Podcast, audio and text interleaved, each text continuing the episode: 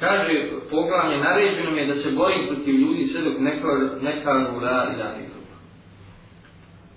Od Ebu Hureyre radijal Anhu se prenosi da je rekao, nakon što je umro Allah poslanik sallallahu alaihi sallam, je Ebu Bekr postao halifa, a odmetnuo se od Islama, ako se odmetnuo od Arapa, Omer ibn Khattab je rekao Ebu Bekru. Ovdje ću malo sad, znači, nakon poslanikove smrti, mnoga plemena, ili jedan dobar dio plemena se odmetno od Islama. Pa Ebu Bekr, kao kalifa, poslanikov namjesnik, u hilafetu islamskoj državi, tada je postao, znači, hilafet ili islamska država, utemeljena na islamu, na Kur'anu, Poslanik je bio i duhovni vođa te države Hilafeta, bio je znači i politički vođa i bio je i vojni vođa.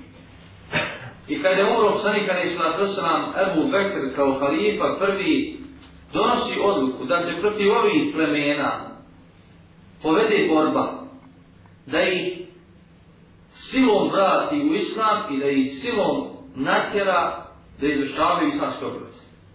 To je bilo malo začudno Omeru, Omeru koji je bio poznat kao strog. A tada bio Omer, znači bio je u nedomici, šta činiti.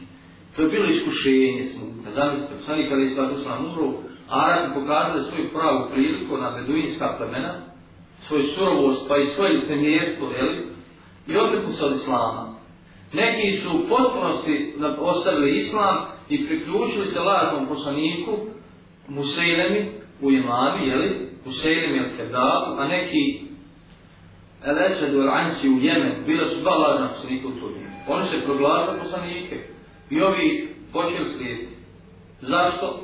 Je to bilo pitanje čiste zabude, što nikada i nisu iskreno povjerovali, ili je to bilo pitanje koristi.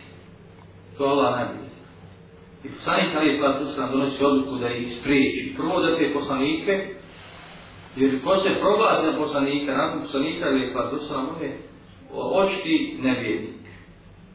I kaže mu, ovaj, Omer, kako se boriš, kako da se boriš protiv ljudi, kad je Allah poslanik Ali isla, rekao, naređeno mi je da se bori protiv ljudi sve dok ne budu govorili la ilaha illallah.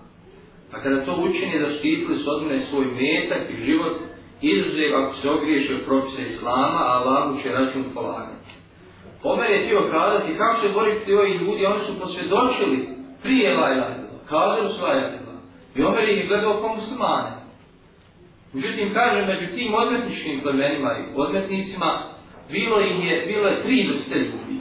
Oni koji su, znači, potpunosti odbacili islami, uhvatili se da, da slijedi ovog poslanika, ili lažne poslanike, oni koji su također vratili se svojoj vjeri, predislamskoj vjeri, i koji su e, ostavili namaz i zekat i druge obrede islama, i oni treći, koji nisu ostavili ni islam, ni su ovaj, odbili da daju zekat, međutim, ono, poveli se za tim ljudima, masa i oni sa njima, ili im njihove glavečne nisu dale da ostanu islamu, nego su i sa sobom poveli, oni su bili muslimani.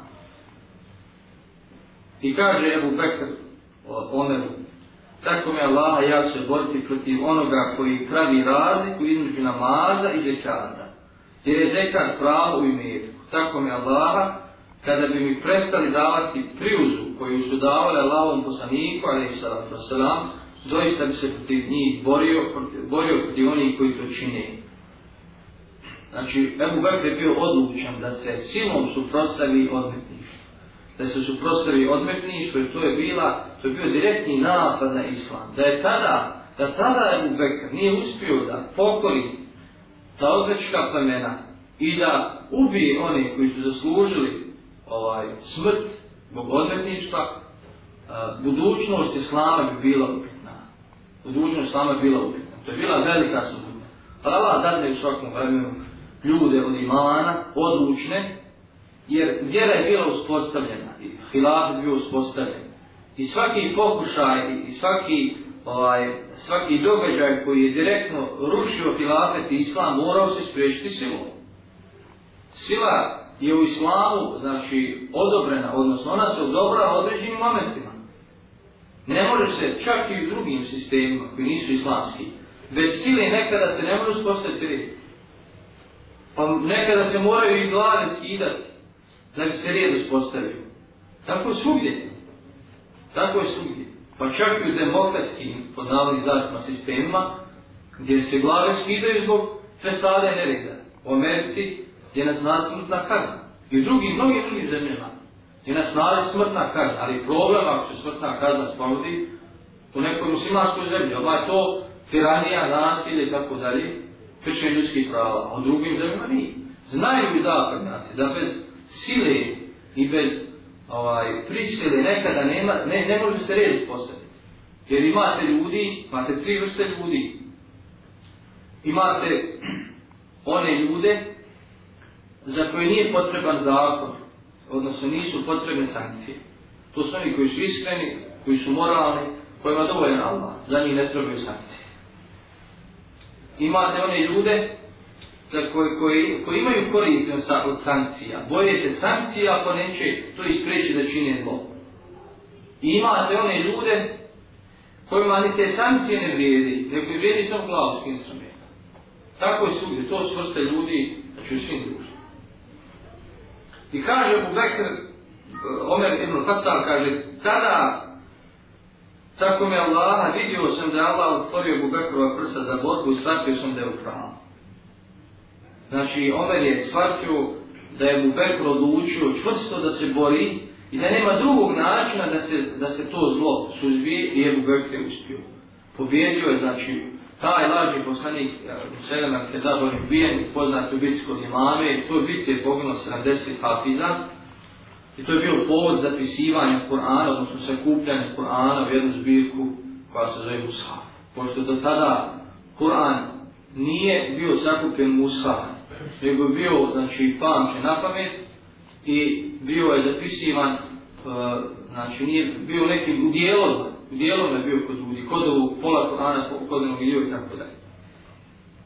I kaže, Abu Bekr, shvatio sam da je upravo. Znači, tada su se sve šuphe i nejasnoće uh, razjasnile kod ovog Omera i Omer je shvatio da je u Bekru pravu jer Islam kada, kada čovjek postane musliman on mora rješavati javne obaveze, javne islamske obaveze. To se od njega zahtjeva, namaz, zekat, hač. To je pravo Islama. To je njegov, njegova dobrovolja. To je pravo Islama. Zato se kaže u ovom hadisu e, osim izuzev ako se ogriješi od propisa Islama, izuzev ako se ogriješi od propisa Islama, tada, tada im više nije njihov život zaštićen. Zaštićen je život onoga koji uđe i privati Islam, zbog riječi la ilah ako bude izrušavao propise i hak Islama, a zekat je hak, hak Islama. Ovo ne znači da čovjek koji vjeruje u Allah i sudnji dan, i da smo klanja, neće daj zekat, skraći škrt znači da ne vidi. Jer po isto po, znači, ispravnije mišljenje islamskih učenjaka, onaj ko uh, priznaje da je namaz obavezan i da je zekat obavezan, ali to ne radi zbog drugih razloga, on nije nevjernik, nego je veliki griješnik, ali se i protiv njega sila, znači, upotrebljava da izvršava, da izvršava obavezu islama, ili obavezu prema islamu.